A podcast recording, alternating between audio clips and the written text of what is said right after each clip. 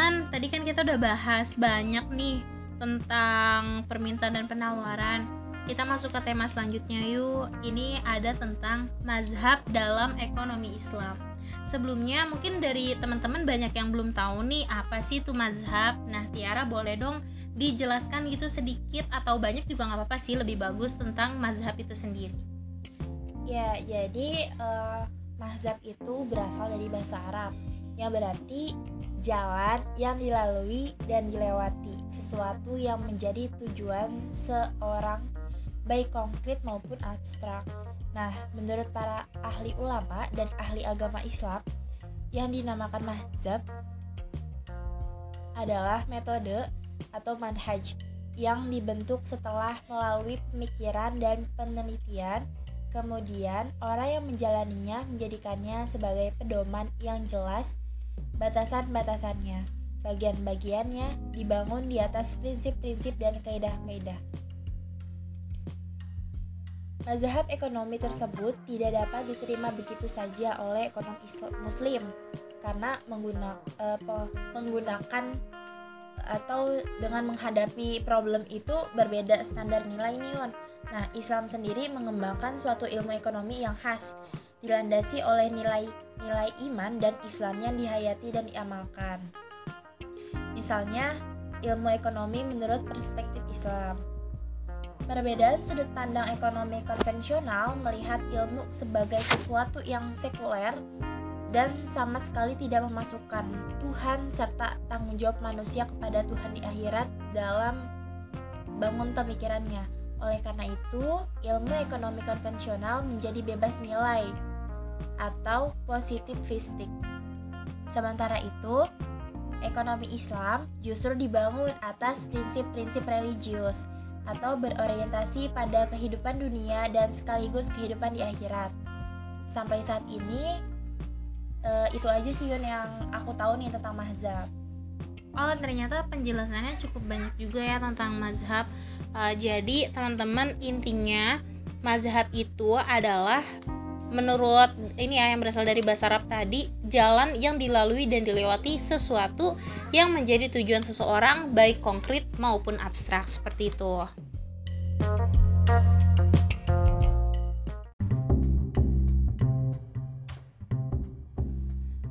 Tiara tadi kan udah tahu nih teman-teman tentang pengertian dari mazhab.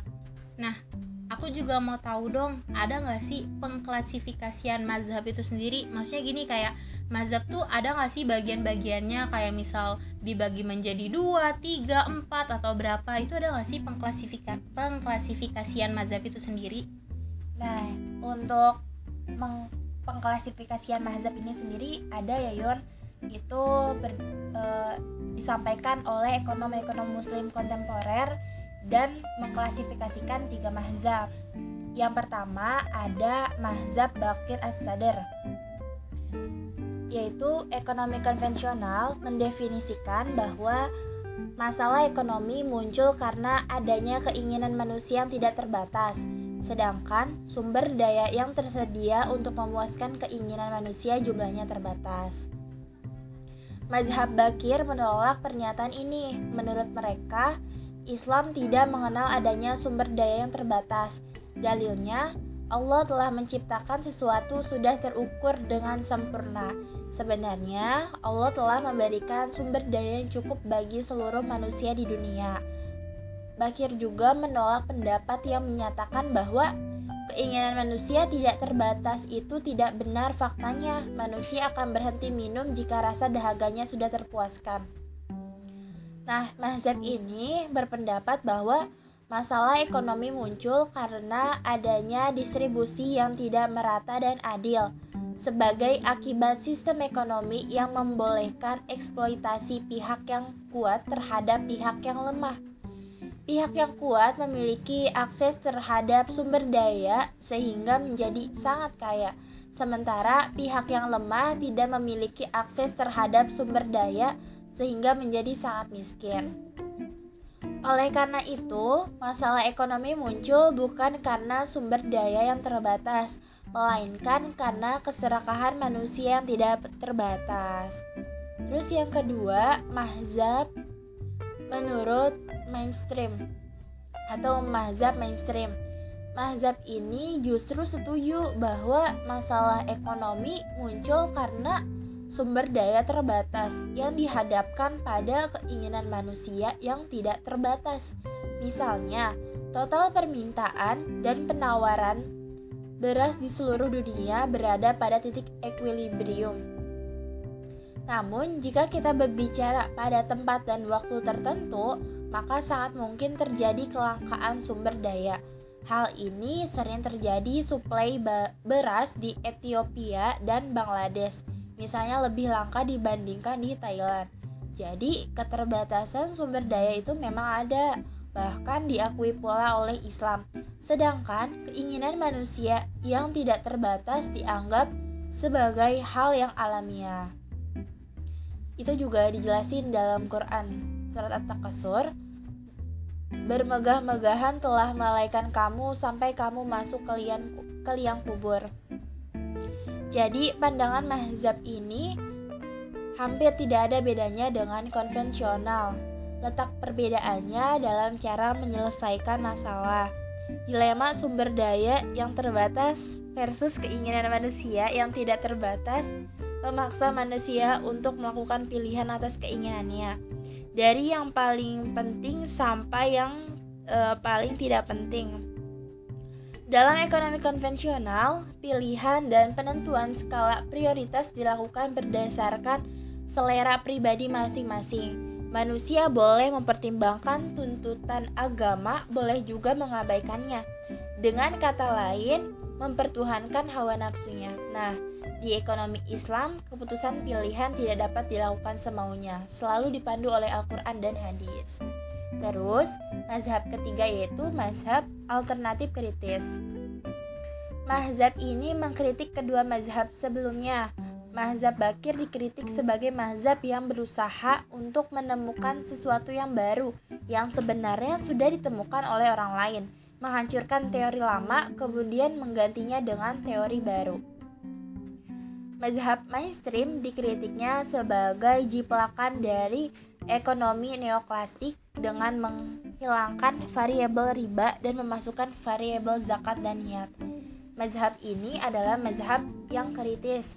Mereka berpendapat analisis kritis bukan saja harus dilakukan terhadap sosialisme dan kapitalisme, tetapi juga terhadap ekonomi Islam itu sendiri. Mereka yakin Islam pasti benar, tetapi ekonomi Islam belum tentu benar, karena ekonomi Islam adalah hasil tafsiran manusia atas Al-Quran dan As-Sunnah, sehingga nilai kebenaran tidak mutlak. Proposisi dan teori yang diajukan oleh ekonomi Islam harus selalu diuji kebenarannya, sebagaimana yang dilakukan terhadap ekonomi konvensional.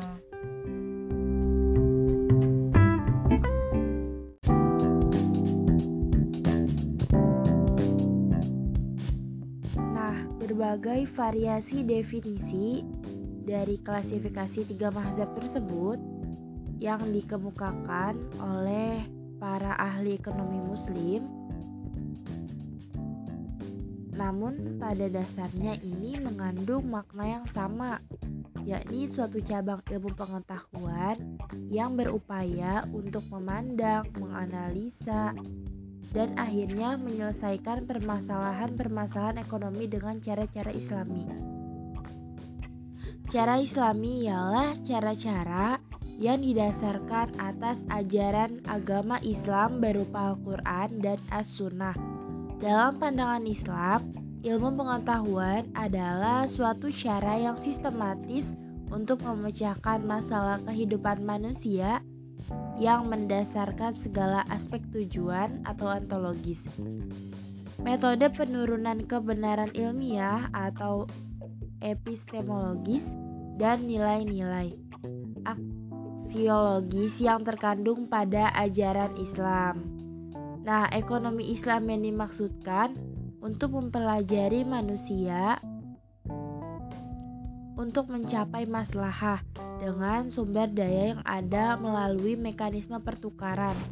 Penurunan kebenaran atau hukum dalam ekonomi Islam didasarkan pada kebenaran deduktif atau ayat kauliah yang didukung kebenaran induktif empiris atau ayat kauniyah.